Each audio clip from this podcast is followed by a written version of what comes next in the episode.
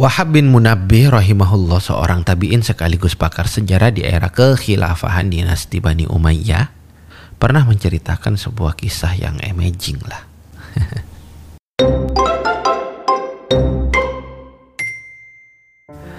Kisah seorang ahli ibadah di kalangan Bani Israel. Dia adalah orang yang paling tekun beribadah pada zamannya. Bahkan di kisah yang mirip diceritakan ahli ibadah ini ibadahnya sudah selama 60 tahun tanpa pernah putus. 60 tahun tanpa benar putus. Bani Israel tapi yang usianya 60 sampai 70 tahun kisaran itu kan umatnya Nabi Muhammad. Kemungkinan Bani Israel umur 60 tahun itu masih belum terlalu tua lah untuk melakukan banyak hal. Dia tekun ibadah paling tekun di zamannya nggak ada yang bisa ngalahin pada saat itu ada tiga orang laki-laki bersaudara, eh, tiga orang bersaudara, duanya laki-laki dan satunya anak, anak yang paling bungsu perempuan. Kakak beradik itu tidak mempunyai kedua orang tua dan mereka hidup bertanggung jawab melindungi adik perempuan satu-satunya. Jadi gak punya keluarga, orang tuanya juga sudah gak ada. Sebatang kara tiga bersaudara ini. Saat itu tapi saat itu ada panggilan untuk berperang ya kalau di istilah Islam ya mungkin berjihad ya. Kemudian ketika saudara laki-laki dua saudara itu ingin pergi untuk ikut perang dalam pengiriman pasukan ada kewajiban militer ya serba salah. Ikut ninggalin saudara. Gak ikut berarti menentang perintah pemimpin. Sekaligus bisa-bisa menentang panggilan jihad dari Tuhan mereka. Mereka pun bingung jika mereka itu pergi untuk berperang nanti lantas siapa akan menjaga dan melindungi adik perempuan mereka? Dan kepada siapa ia akan titipkan sampai akhirnya mereka memutuskan untuk menitipkan adik perempuan kepada seorang ahli ibadah di kalangan Bani Israel tadi. Dengan penuh keyakinan mereka mendatangi ahli ibadah itu dan meminta untuk bersedia dititipi saudari perempuan mereka. Yang berarti saudari perempuan mereka itu ya kudu nginep di situ di tempat ahli ibadah. Masa ditinggal gadis lemah nggak punya keluarga di satu rumah kosong di tengah-tengah pemukiman. Kan berbahaya. Akhirnya dirayulah maulah gitu loh. Untuk bersedia. Di mana ya? Berarti saudara perempuan itu harus menetap di tempat ahli ibadah dan berada dalam lindungannya. Hingga kapan? Hingga sampai dua saudaranya itu kembali. Itu pun kalau menang dan selamat namun ahli ibadah itu menolak permintaan mereka untuk dititipi adik perempuannya. Ya alasannya jelas lah. Bukan perkara cantik gak cantik. Oh, orang kurang cantik. Kalau cantik boleh boleh boleh titip ke sini lah itu kan. Anda-anda orang-orang zaman sekarang. Atau bayarnya kurang gede. Bukan lah ahli ibadah ini bro. Ahli ibadah. Ahli ibadah. Kriterianya bukan itu. Berat tidaknya bukan itu Kenapa gak mau dititipin? Malas. Lah ini bukan mindset pengangguran Tapi ahli ibadah. Bagaimana mindset ahli ibadah itu? Dia menolak Sebab jelas alasannya kenapa? Karena hal yang demikian itu bisa mendekatkan dia pada pintu perzinahan. Walaupun ya, walaupun dia sendiri itu gak ada keinginan dan gak pernah ber, berpikir berzina sebelumnya. Saat itu dia gak ada keinginan dan gak pernah berpikir sebelumnya. Zina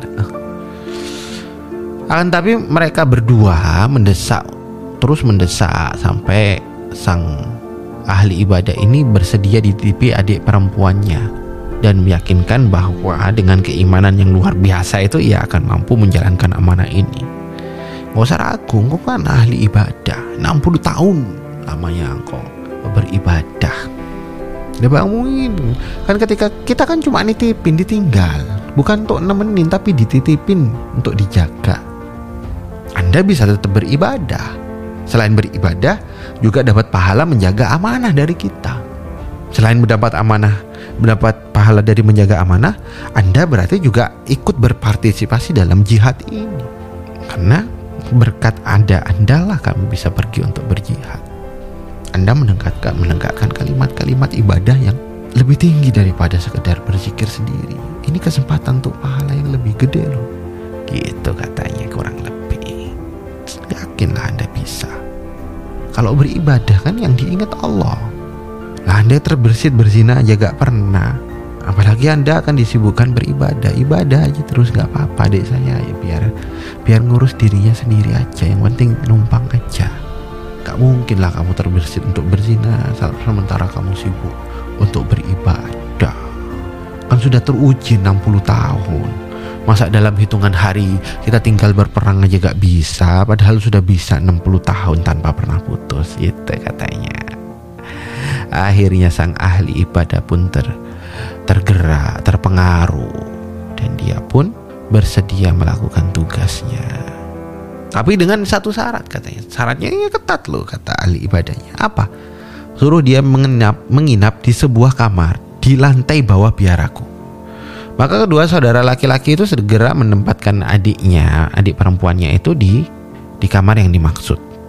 Kemudian meninggalkannya. Dengan begitu gadis itu berada di tempat ahli ibadah untuk sekian lama konsekuensinya yang selama itu pula ahli ibadah itu turun ke tempat si gadis menetap untuk sekedar memberikan makan jadi ahli ibadah itu meletakkan makanan di dekat pintu tempat biara ia tinggal jadi ada dua ruangan biara besar ya ada lantai satu di bawahnya ada bangunan yang katakanlah bangunan berbeda bangunan ruangan yang berbeda di dalam ruangan itu ada kamar. Nah si, si biara ini awal-awal nganterin makanan ya ditaruh di ruangan bawah aja. Nanti kalau sudah jamnya sebagaimana saat biasanya nggak perlu dikode nggak perlu apa, silakan perempuannya si adik perempuan itu ngecek kalau sudah ada langsung ambil aja. Ini sudah kesepakatan. Nggak perlu ada komunikasi, pokoknya disepakatin jam segini itu aku akan ngantar, kamu bisa ngambil jam segini setelah itu kamu ngambil kalau sudah tak antar nggak perlu komunikasi apalagi komunikasi harian. Hari ini mau tak antar ya siap-siap ya. Aku mau dateng. Hari ini mau dimasakin apa? Enggak ahli ibadah nggak mau. Dia khawatir banget dan dia sangat berhati-hati di situ.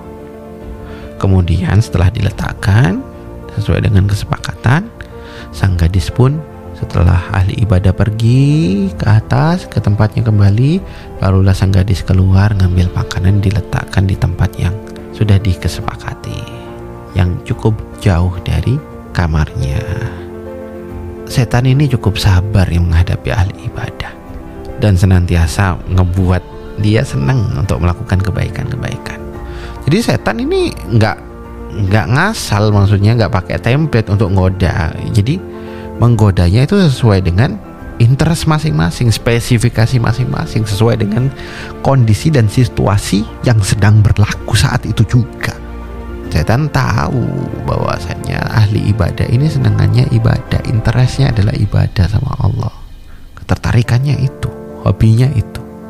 Maka dia punya hasrat untuk tidak puas atas rahmat Allah, tidak puas atas ibadahnya, pengen lagi, pengen lagi, pengen lagi pengen dapat ibadah pengen dapat pahala yang lebih besar lagi lebih besar lagi lebih besar lagi dengan seoptimal mungkin dan semaksimal mungkin ternyata setan cukup pandai melihat itu sebagai sebuah peluang yang besar. Gimana peluangnya? Setan kemudian membisikkan masalah-masalah yang sebelumnya tidak perlu dipermasalahkan. Setan membisikkan dalam bayangannya yuwas visu visudurinas was was gimana nanti kalau kalau si gadis itu keluar pada siang hari? Ditakut-takutin terus ada orang yang tahu. Terus dia berhasrat melakukan hal-hal yang tidak baik terhadap gadis itu padahal dia di bawah tanggung jawabmu lo hati-hati lo. Kamu gak amanah hati-hati lo bahaya lo. Besar dosa gak amanah itu. Pahalamu bisa habis gara-gara itu hal sepele itu. Ya kalau digoda itu gimana dia? Sedangkan kamu di ruangan yang berbeda di atas kamu sibuk beribadah. Padahal tanggung jawabmu lo di bawah lo. Itu kata setan. Nah, bagaimana kalau dia itu kelaparan, kehausan? Karena kamu gak pernah komunikasi, dia nanti kenapa-napa di dalam. Nah, banyak bisikan-bisikan yang kemudian dibisikkan oleh setan kepada ahli ibadah itu. Ditakut-takuti, dikasih was-was. Hati-hati. Ini kata orang ada orang yang melihat keberadaan gadis itu dan dia berada di dalam biara gimana hati-hati kalau yang lihat jahat punya niat jahat ya kalau ada orang tahu nanti kamu difitnah macam-macam gimana hati-hati loh. Kan wajar dia kamu nggak nggak pernah nemuin dia terus dia pengen keluar sewaktu-waktu wajar kan? Oh dia cuma sendirian padahal perempuan loh. Perempuan tuh butuh mengeluarkan 20 ribu kata per hari loh. Masa kamu kurung kayak begitu? Tapi kalau keluar ya berisiko juga loh. Yang punya niat baik itu nanti bisa mengancam kehormatan dan keselamatan dia. Yang nggak punya baik sekalipun itu justru bisa nyeritain hal-hal yang tidak baik-baik tentang kamu Ih padahal dia ahli ibadah. Katanya kumpul kebo sama seorang wanita. Ih padahal dia ahli ibadah. Dititipi wanita tapi dibiarin gitu aja di dalam kamar. Gak diurus dicuekin gitu aja padahal dia manusia ya. Padahal wanita lu ya. Padahal dia butuh 20 ribu kata perharinya untuk dikeluarkan lu ya. Uh, ahli ibadah kok gitu-gitu amat. Ibadah apa? Masa ibadah gak punya empati? Duh zikir terus yang dipikir Allah gak pernah mikirin manusia. Uh, gimana mau masuk surga kalau gitu caranya? Gitu. Gimana kata setan? Hati-hati loh ini amanah. Maka setan menambahi terus menambahi tipu muslihatnya dengan berkata, andaikan ya seandainya engkau mau berjalan ketika membawa makanannya, pahalanya lebih besar loh. Iya kan? Iming-imingnya lebih besar. Iming-imingnya kalau kamu makin mudah dia pahalanya lebih gede loh. Andai kamu mau berjalan ketika membawa makanannya, nggak cuma turun tangga tapi jalan lagi sedikit. Apa nah? meletakkan di depan pintu kamarnya supaya dia lebih terjaga dari pandangan orang baik yang yang jahat maupun yang enggak eh, yang polos sehingga yang jahat yang punya niat buruk ke dia atau yang polos kemudian traveling pikirannya ke yang enggak enggak. Hati-hati loh godaan des setan itu bahaya. Maka kalau kamu letakkan di dalam kamarmu itu pahalamu itu lebih besar. Pahalamu tentu lebih besar. Dan tertariknya sama pahala. Tertariknya sama pahala setan terus menerus membujuknya hingga ahli ibadah itu akhirnya sehari dua hari tiga hari akhirnya bener juga sih kayak dapat pahala juga kan enak ya sambil zikir tapi dapat tabungan pahala dari aktivitas yang lain oh, enak juga itu ya itu kan hingga pada satu titik, ahli ibadah pun memutuskan berjalan mendekati kamar si gadis itu dan meletakkan makanannya di depan pintunya. Awalnya tanpa berbicara sedikit pun. Ini terjadi hingga beberapa lama. Lama-lama ngasih isyarat ketok pintu. Gak usah pakai pakai perjanjian bernyanyi lagi tapi ketok pintu ya. Udah ada mulai ada komunikasi suara. Nah, ini berjalan cukup lama, kemudian iblis mendatangi ahli ibadah mengajurkan untuk melakukan sebuah kebaikan lagi. Ya jangan puas loh, lakukan kebaikan yang lagi. Kalau nolong orang itu jangan tanggung janggung, jangan tanggung tanggung. Kata iblis, andai kamu mau masuk berjalan masuk mendekati ke dalam kamarnya, mendekati tempat dia beristirahat, dekatin kasurnya, tentu pahalamu akan semakin besar loh. Padahal effortnya dikit, cuma jalan satu dua langkah. Tinggal buka pintu jalan satu dua langkah tuh taruh di dekat di dekat kasurnya. Gak usah ngeliat dia gak apa-apa udah taruh aja dulu. Taruh dalam kamarnya sehingga dia gak perlu buka pintu kamar. Karena kalau ada orang kebetulan ada di ruangan itu gimana biarkan aja dia dalam kamarnya saja dia lebih aman pahalamu lebih gede Akhirnya setan terus membujuk, lama-lama pun luluh. Akhirnya dia membawa makanan dan meletakkannya ke dalam kamar gadis itu. Kemudian hal itu terjadi cukup lama. Setan sabar untuk menunggu momen lagi untuk diajak melakukan amalan baik. Ya, amalan balik yang sudah dikasih bumbu-bumbu gimana caranya, amalan yang hukum asalnya baik jadi gak baik dibolak-balikin sama setan. Wa a'malahum. Yang baik bisa jadi buruk, yang buruk bisa jadi baik di setan. Sebab apa? Setan itu mampu pandai menjadikan mereka itu memandang baik pekerjaan yang buruk. Emang gitu dasarnya setan. Sampai satu momentum, iblis pun menyuruh ahli ibadah itu kepada kebaikan yang selanjutnya dan menganjurkan. Ya masuk puas sama pahala nganterin makan dalam kamar doang. Ya, ada yang kau mau bicara ngajak ngobrol dia kan butuh teman ngobrol kangen sama saudara yang sendirian gitu loh yo stres belum ada handphone loh zaman itu nggak ada media sosial nanti stres padahal dia di bawah tanggung jawabmu loh. Amanah itu loh jangan dipikir bahwasanya amanah kamu menjaga secara fisiknya loh. Padahal kamu harus menjaga secara psikis dan kejiwaan dia loh. Ajak ngobrol biar mentalnya juga sehat. Biar gak mental illness itu loh biar gak galau biar gak overthinking. Dia juga cemas sama saudaranya. Khawatir pasti takut terjadi apa-apa karena gak kunjung pulang nih Cak ngobrol mudah-mudahan itu bisa meringankan beban dia dan bisa menambah pahalamu ya ajak ngobrol sederhana kok dan kamu pasti bisa menahan diri kok gak usah ragu Iblis senantiasa membujuknya hingga ahli ibadah itu mau berbincang-bincang. Awalnya dari lantai atas ke lantai bawah, ajak ngobrolnya. Ya, awalnya agak ada jarak. Lama-lama turun, lantainya turun, Iblis terus mendadangi di Roy, rayu dengan banyak rayuan, memujuk ahli ibadah itu. Nah ini kan tetap di luar kalau di atas bawah ini ngobrolnya. Ya resikonya kan kembali ke resiko yang pertama. Nanti diliatin orang bahaya lu. Kehormatan dan dan jiwanya lu terancam lu. Hati-hati lu. Ngobrolnya dalam kamar aja. Kata Maraku kamu kan sudah berkali-kali masuk kamarnya dan gak terjadi apa-apa. Iya kan gak terjadi apa-apa. Dan bedanya ngomong sama gak ngomong tuh kan gak aduh nggak ada bedanya lah. Cuma ajak ngomong sih hello aja apa kabar? Ini ya makanannya. Jangan lupa ya untuk makan tepat waktu. Lambungmu lo mbak hati-hati. Kita asam lambungmu lo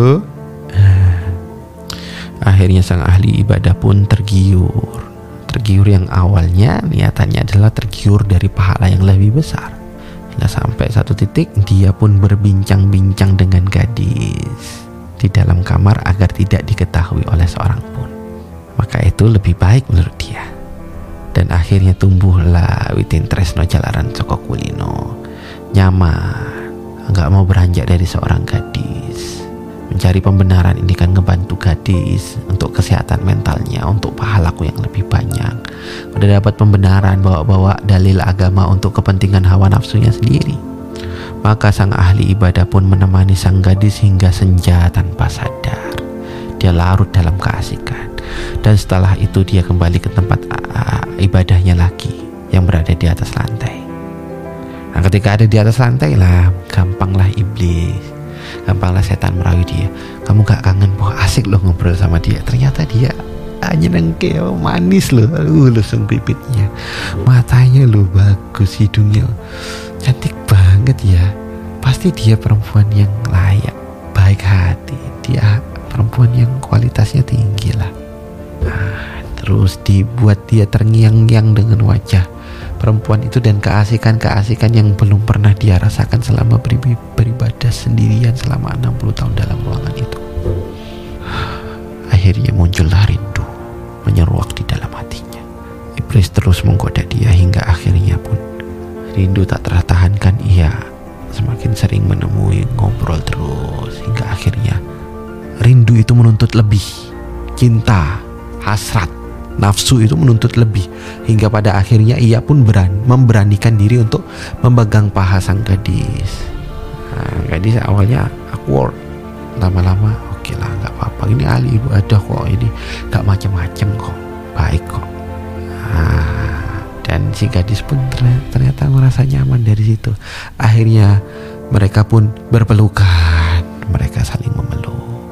Iblis terus mengatakan bahwa Gak apa-apa, itu kebaikan kok. Meluk dia itu kebaikan. Namanya perempuan itu butuh bahu untuk bersandar, untuk menguatkan dia. Dia butuh sosok untuk menggantikan kakaknya yang senantiasa memeluk. Sekarang kakaknya gak ada gantikan untuk memeluk dia. Cintai dia. Wanita itu untuk dilindungi. Pelukanmu itu melindungi dia. Wah. Hingga akhirnya semakin intim hubungan mereka dan akhirnya mereka pun berhubungan badan. Sang ahli ibadah menyetubuhi sang gadis dan dia pun hamil. Orang kalau sudah saling jatuh cinta ah, cinta ini tak kadang-kadang tak ada logika. Sering hilang logikanya. Namanya sudah cinta. Dominasinya di perasaan bukan di akal lagi yang megang badan. Ya wajar akhirnya bersetubuh. Sekali dua kali ya hamil tapi iblis ternyata gak mau berhenti. Iblis kemudian membisikkan kepada ahli ibadah. Eh kamu udah bikin hamil. Apakah kamu lupa dengan kedua Saudara laki-laki perempuan itu? Jika mereka tahu Pasti dia akan ngebunuh kamu. Sudah menghamili adiknya Di luar pernikahan Menzinai dia sampai hamil. Nah, Kamu layak dirajam loh? Kamu sudah berzina loh. Nah, Gimana nanti perkataan orang-orang tentang ibadahmu? Padahal selama ini kamu diagung-agungkan karena ahli ibadah yang paling terpercaya loh. Nanti setelah itu orang-orang nggak ada yang percaya kamu gimana? Bisa sih ya 60 tahun ibadah kamu lo gara-gara ini.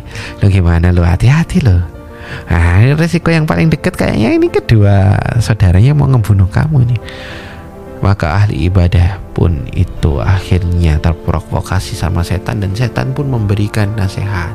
Terus gimana ya? Ya ini gampang solusinya. Dibunuh aja adiknya hilangkan barang buktinya. Akhirnya ahli ibadah itu pun membunuh sang gadis yang belum lama dia sangat jatuh cinta terhadapnya. Dibunuh dan menguburkannya agar kakaknya tidak mengetahui ahli ibadah itu benar-benar mengubur bersama dengan anaknya sendiri TK. Dia TK karena saking paniknya sudah. Pikirannya gelap. Sudah nggak bisa berpikir jernih dalam kondisi seperti itu. Dia ahli ibadah dia punya aib yang cukup besar dia mesti untuk melakukan sedemikian uh, hal yang cukup berani untuk menyelamatkan karirnya sebagai ahli ibadah dan penilaian orang terhadap dirinya sebagai ahli ibadah yang saleh jadi status ibadahnya yang awalnya dari uh, untuk Allah bergeser sudah menjadi sekedar untuk mendapatkan penilaian orang. Tidak berapa lama saudara laki-laki dari perempuan itu akhirnya pun pulang ternyata. Mereka mendatangi ahli ibadah perihal adik perempuannya namun mereka harus menelan kekecewaan. Kenapa? Karena ahli ibadah berkata bahwa adik mereka yang bungsu yang gadis itu telah meninggal karena sebuah penyakit. Agak tahu aja tiba-tiba sakit ya. Aku gak pernah nemuin dia eh. Terus dia meninggal gitu aja ya. Ya aku sedih sih ya. Itu, itu drama. Nipu yang awalnya gak pernah berbohong. Boro-boro berbohong. Terbersit untuk berzina aja itu belum pernah terpikir sama dia. Akhirnya ngebunuh, berzina, berbohong. Wah, paket komplit dia laksanakan itu untuk menutupi kesalahannya dan status dia sebagai seorang ahli ibadah yang terkenal. Pada malam harinya saat saudara laki-laki sang gadis itu tidur, iblis setan itu tadi itu yang menggoda mendatangi mereka lewat mimpi dong seraya berkata eh ahli ibadah aku ini jujur loh aku ini jujur ahli ibadahmu itu yang gak jujur ahli ibadah itu yang gak jujur sama kalian tentang saudari kalian. Kalau gak percaya nanti buktikan sendiri deh omonganku. Bener omongan iblis. Tapi niatnya gak bener. Apa adu domba. Saudara kalian itu loh hamil sebenarnya dan melahirkan bayi. Ponakan kalian sendiri loh. Adik kalian darah yang sedarah dengan kalian itu punya anak. Dan anak itu itu adalah hasil dari perbuatan bejat daripada ahli ibadah itu Lalu dia membunuh saudarimu dan bayinya sekaligus. Karena takut sama kalian. Ia kemudian menguburkan tuh di situ tuh, di kamarnya. Pergi ke sana, buktiin. Tentu kalian akan mendapatinya. Dua-duanya dikasih mimpi yang sama. Mantep lah tuh. Mantap lah dua saudara ini. Pagi harinya mereka bergegas mendatangi kuburannya dalam yang sesuai dengan dalam mimpinya. Dikambang rekan persis sama iblis. Ahli ibadah lagi di atas ibu ibadah. Orang baik sebenarnya. Kalau gak kejeret sama setan adiknya juga orang baik. Gak neko-neko. Gak keluar kalau kalau gak dibolehin keluar gak keluar. Ini kakaknya juga orang baik. Dia pergi berjihad dia tahu kalau kalau kemudian kriteria pertama untuk di adiknya dititipin itu kereta pertama adalah orang soleh. Dan dia menemukan orang menemui orang yang paling soleh. Sebenarnya baik tapi setan itu jahat. Yang baik bisa dibolakkan digeser dikit dari jahat sangat-sangat jahat. Digelincirkan dikit nah koordinatnya sudah berbeda 180 tahun 180 derajat. Didatangilah kuburan itu dan dibongkar digali. Oh iya ini kayak ada bekas galian digali. Awalnya nggak percaya. Dan sampai akhirnya alangkah terperanjatlah mereka adik perempuan mereka ternyata bunting. Udah mayat ada di situ dalam keadaan mayat dan jenazahnya bunting. Ada bekas tusukan di lehernya. Makin marahlah kemudian makin berkobarlah api amarah dalam dada dua saudara ini ya itu tanda yang jelas bahwasanya adiknya telah dibunuh ditusuk lehernya. Mereka pun menemui ahli ibadah dan kemudian menginterogasi tentang nasib saudaranya dan sudah nggak ada pilihan lagi bagi ahli, ahli ibadah kecuali mengakuinya. Kehabisan ide untuk mengarang lagi sudah nggak ada udah. Setan udah ngebongkar dia. Kemudian ahli ibadah pun bersik uh, bersiap untuk diadili pada saat itu. Hukuman yang begini itu disalib tatkala ahli ibadah itu sedang diikat di papan uh, mau dieksekusi ini iblis menampakkan diri terhadap ahli ibadah ini dan mengatakan, "Hei kamu ahli ibadah, gak ada yang bisa nolongin kamu lagi loh kecuali aku loh. Tuhanmu sakit hati loh gara-gara kamu melakukan dosa. Dan aku ini juga, aku ini selama ini kamu tahu kan, aku senantiasa ngasih uh, ngasih pengarahan yang baik buat kamu. Gak ada yang bisa nolong kamu lagi. Tuhanmu sudah meninggalkan kamu. Dosamu terlalu besar untuk diampuni, diampuni di mata Dia." Tapi aku, aku masih bisa nerima kamu. Aku mau kok nolong kamu. Tapi ada syaratnya, apa syaratnya? Bersujud kepadaku. Udah panik nih. Ya, nyawa di ujung tanduk. Ali ibadah loh, ali ibadah. Sujud sama aku, maka kau akan selamat. Aku yang bersumpah akan nyelamatin kamu. Demi Allah, aku akan nyelamatin Eh, kamu bisa selamat dari keadaan yang menimpa ini. Kamu deadlock, aku tahu cara jalan keluarnya.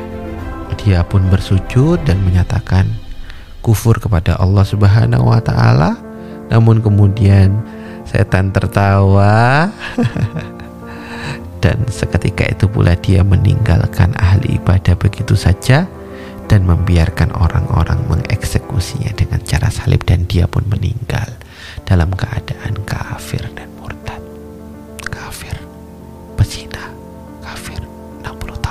kurang lebih 60 tahun dia beribadah tanpa putus. Akhirnya dia kafir dan tidak ada guna 60 tahun kebaikan dia. Na'udzubillahi minasyaitonirrajim. Kama salis syaiton idh qala lil insani akfur falamma kafara qala inni bari'um minka inni akhafullah rabbal alamin. Bujukan orang-orang munafik itu seperti bujukan setan gimana bujukan setan itu? Jadi ketika dia berkata kepada manusia kafirlah kamu. Maka tatkala manusia itu memenuhi persyaratannya dia kafir beneran maka setan berkata sesungguhnya aku berlepas diri. Aku lepas diri. Ini cuma prank loh aku cuma pura-pura. Karena sesungguhnya aku takut ini. Akhafullah rabbal alamin. Aku aku sendiri eh, juga takut sama Allah. Bisa bisanya kamu minta perlindungan eh, kepadaku atas Allah subhanahu wa taala atas adabnya Allah subhanahu wa taala. Aku sendiri takut. Aku gak bisa selamat dari azabnya Allah. Lucu kali kalian ini dalam surat al-hasyr surat nomor 59 ayat nomor 16 ya inilah kealiman ketika kita hiasi dengan kesombongan kita maka jurang kecelakaan itu kian lama kian terbuka lebar. Allah itu al-alim pengetahuannya senantiasa mendahului makhluk-makhluknya. Maka sikap paling aman bagi orang yang cerdas ialah bila seandainya statement yang Allah turunkan lewat agama dan Rasulnya berbeda dengan persepsi kita maka pahamilah bahwa kita yang salah Allah yang benar. Kita gak perlu data, bahkan untuk bahkan gak perlu data untuk membuktikan Dia yang maha benar. Percayalah, hanya masalah waktu yang akan membuktikan bahwa hari ini kita yang belum paham apa-apa yang dimaksud oleh Allah dan suatu satu saat nanti satu persatu kebenaran pasti akan terbukti dan kita makin yakin bahwa tidak ada kebenaran yang paling benar kecuali dari Allah subhanahu wa ta'ala betapa memang pelaku maksiat itu merasa nikmat, tapi ketika mati lenyaplah nikmat itu dan ia merasakan bencana. Putus dan habislah kenikmatan maksiat, namun tinggallah akibat maksiat seperti adanya. Alhamdulillah min dalik. Subhanakallahumma bihamdika asyhadu an la ilaha illa anta wa astaghfiruka wa atubu. Wassalamualaikum